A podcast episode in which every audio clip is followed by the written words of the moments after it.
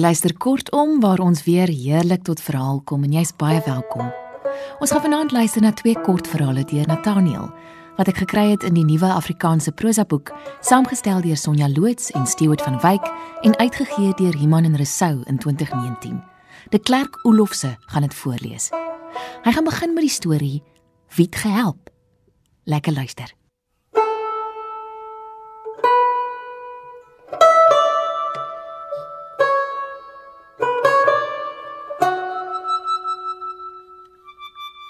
Ek's op universiteit, hier bel my ouma.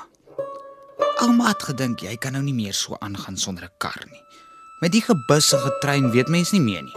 Deesdae is dit enige ding wat opklim. Net nou lol hulle daar met jou. Jy weet, die konnekteur is ook nie altyd byderhand nie en jou goed is altyd so mooi gestryk. Nou het ouma gedink, jy moet loop kyk vir 'n tweedehandse karretjie. Dan lei jy vir ouma, dat ons 'n geldjie kan deurstuur. Nou kyk, ek loop ontrent elke dag verby die garage. Ek weet wie daar werk. Ek raak so opgewonde. Ek vergeet amper van die kar. Ek werk myself daar in 'n jean in wat laasens dan dit sewe gepas het, bootse en 'n wit hemp. So half se geener. Sit af garage toe. Daai jean sê net, kyk wie sê. Kom by die garage is daar geen mens nie. Net die ou vrou met die optelmasjien. Ek sê, uh, "Waar is hy? Een met die shorts?" af, sê sy. Oh, en uh, die die een met die kettingkie af, sê sy. Ek sê, "Wat nou maar, hoeveel kos dit weer aan se karretjie?" Duisende, sê sy. En 'n klein tweedehandse karretjie, duisende. Ek loop soek die goedkoopste een. Maar die een is so duur soos die ander. Jean maak my aluseerder. Ek wil net loop. Hier staan so 'n kleintjie. Net twee sitplekke. Ek maak die deur oop. Kan ek kyk? vra ek. Voel hom, sê die ou vrou. Nou klim ek in. Maar dit is so klein, jy moet die ander kant se deur ook oopmaak om in te kom. Dan tel jy 3 en klap albei gelyk toe en dan wag jy tot die ergste duiselig oor is. Uh, waar is die starter? vra ek. Onder jou knie, sê die vrou. Jy moet start voor jy inklim. En uh, en, en die gears? Hy het net die eerste, sê sy. Die plek was op. Nou, uh, hoe ry mens? vra ek. Vorentoe, sê die vrou. Tot hy warm raak, dan klim jy uit vir asem, as 'n bargain. Ek moet nou huis toe gaan, sê ek en wil die deur oopmaak, maar kry niks geroer nie. En maak vir my oop, sê ek. Hy kan net van binne af, sê die vrou. Is tweedehands. Maar uh, ek sit vas, sê ek. Te veel gesweet, sê die vrou. Nou, wat nou, vra ek. Grease, sê die vrou. Wat ek waar kry? vra ek. Die greaser, sê sy. Nou waar's hy? vra ek. Af. Nou haal die dak af, skree ek. Dis vir die swyser om te sê. Nou waar's hy? Hy werk van die huis af, sê sy. Jy moet die dag voor die tyd reël. Bel hom, skree ek. Waar's jou lisensie? vra sy. Vir wat? sê ek. Ek moet dit invul. Anders kom hulle nie uit nie. Dis by die huis, sê ek. Bel soontoe sê iemand moet dit bring. Doen net iets. En toe maak die vrou die optelmasjien toe en vat haar handsak. Wat maak jy nou? vra ek. Dis 5 uur, sê sy. Ek gaan jy nie bel nie, vra ek. Ek loop 5 uur, sê sy. Ek sê ek kan mos nie hier bly sit nie. 10 oor vat ek die bus, sê sy. Ek sê, "Is jy mal? Ek ek sit vas." Mag nie eintlik nie, sê sy. Maak los die draadloos aan. Toe skuif sy die voordeur toe. Laat daai nag, terwyl ek beklei teen die trane, die sitplek, die jean en die pyn, toe hoor ek hoe hulle vertel oor die radio van 'n ouetjie in Pretoria. Hy het 'n klomp mense doodgeskiet op 'n plein. 'n Ander ou in Massachusetts skiet almal in 'n winkel. En in Londen skiet een die hele spul in 'n kantoorblok. En toe dink ek by myself. Ek wonder wat hulle wou hê. Ek wonder of dit ook tweedehands was. En ek wonder wie hulle gehelp.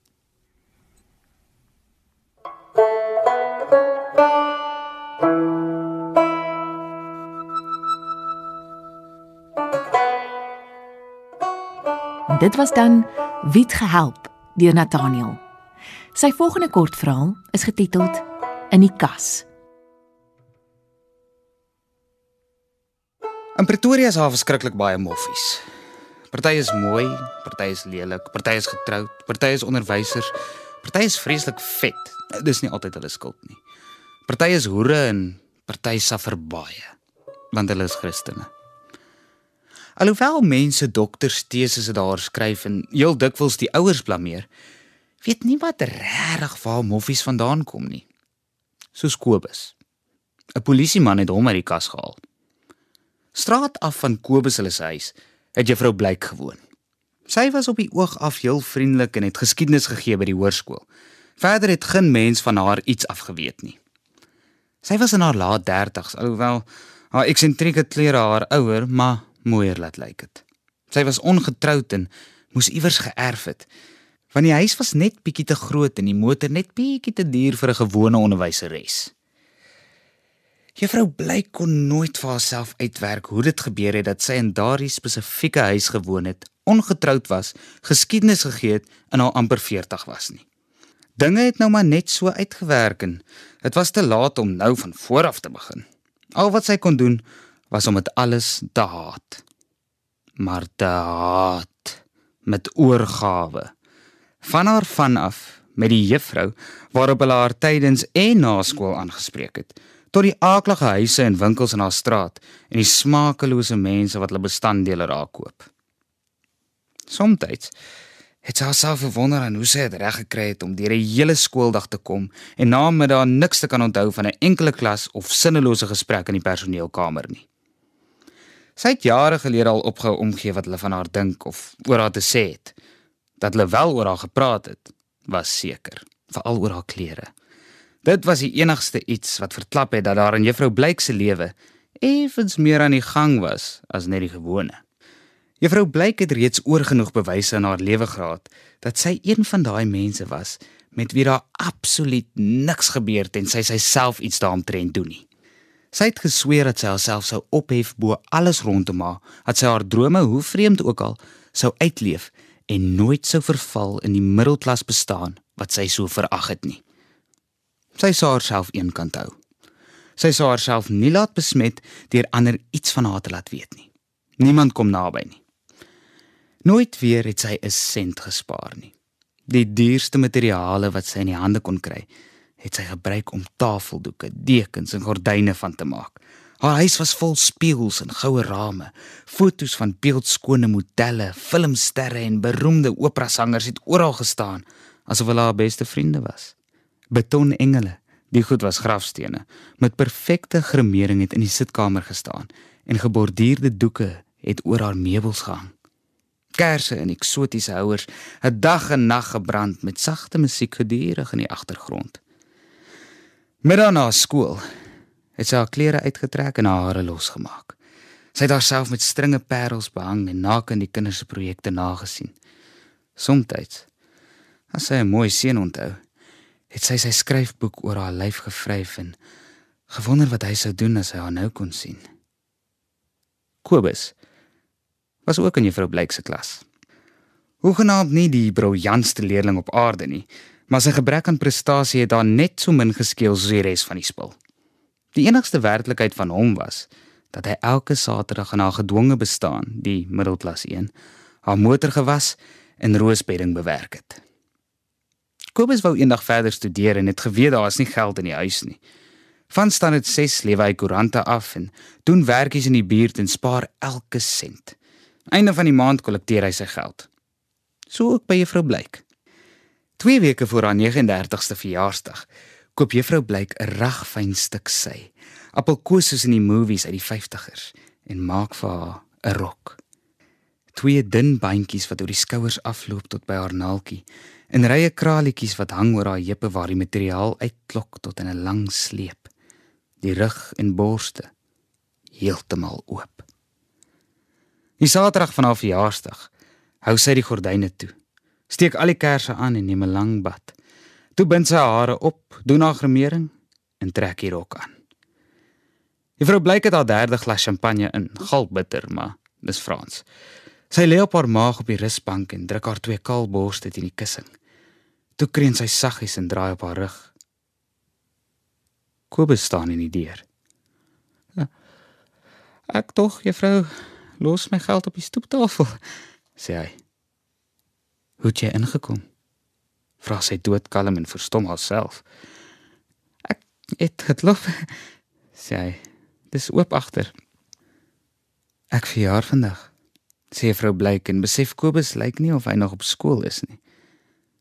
"Jy lyk baie ouer," sê sy. "Ekskuus, tog," sê Kobus. Hy kan nie ophou kyk na haar borste nie. 'n Spierwit. Is die mooiste iets wat hy nog ooit gesien het. Hy kom glad nie agter hoe hoog sy stem is nie. Die juffrou sit nou regop en dit maak die borste nog groter. Dis 'n gemors, sê sy. Hoor jy my? Wat juffrou? sê Kobus. Kyk hoe lyk ons, sê sy. Kyk hoe lyk jy? Kan iemand nie vir jou sê jy's lankal te groot vir daai broekie nie? Mens loop mos nie so nie. Dit lyk of die ding wil bars. Toe. Draai om. Kobus draai om. Die vrou bly kyk na die broekie. Is doodstil. Hy staan lank so. Het iemand al vir jou jou naam gesê? Vra die juffrou. Hoe um, Hoe bedoel jy, vrou? Jou naam. Jou naam. Ek gaan dit vir jou sê. Kom hier so. Die bandjies is van haar skouers af toe hy omdraai. Kom hier, sê sy. Haar stem klink anders as wat hy nog ooit gehoor het. Hy loop sit op sy knieë voor haar. Sy laat hom al die champagne in die bottel vinnig drink. Sy laat hom al sy klere uittrek. Kobus, sê sy. Kobus. Kobus. Kobus. Na die tyd lê hulle albei saam op die mat. Ek moet gaan, sê Kobus. Ek moes lank by die huis gewees het. Nee nou nie, sê vrou Blyk. Ek moet eers dink. Hy loop voor haar aan die gang af. Sy kan haar oë nie van hom afhou nie. Jy behoort nooit weer klere te dra nie, sê sy. Sy maak haar klerekas oop en stoot hom binne. Sy sluit hom toe. "Wat's dit nou?" skree Kobus. Juffrou Blyk staan voor die kas. Iemand weet nou alles. Laat sy hom loop, is haar moeilikheid. Hou sy hom hier is daar moeilikheid. Terwyl Kobus skreeu, maak sy haar hand vol pille. "Jy die mooiste gat," sê sy. Toe neem sy 'n glas water en sluk die lot. Die Sondagmiddag help 'n polisieman vir Kobus uit die kas. En die volgende Sondag weer. En die volgende Sondag weer. Dit was dan die verhaal in die kas deur Nathaniel. De Klerk Olofse het dit voorgeles. 'n Mooi aand vir jou. Tot volgende keer.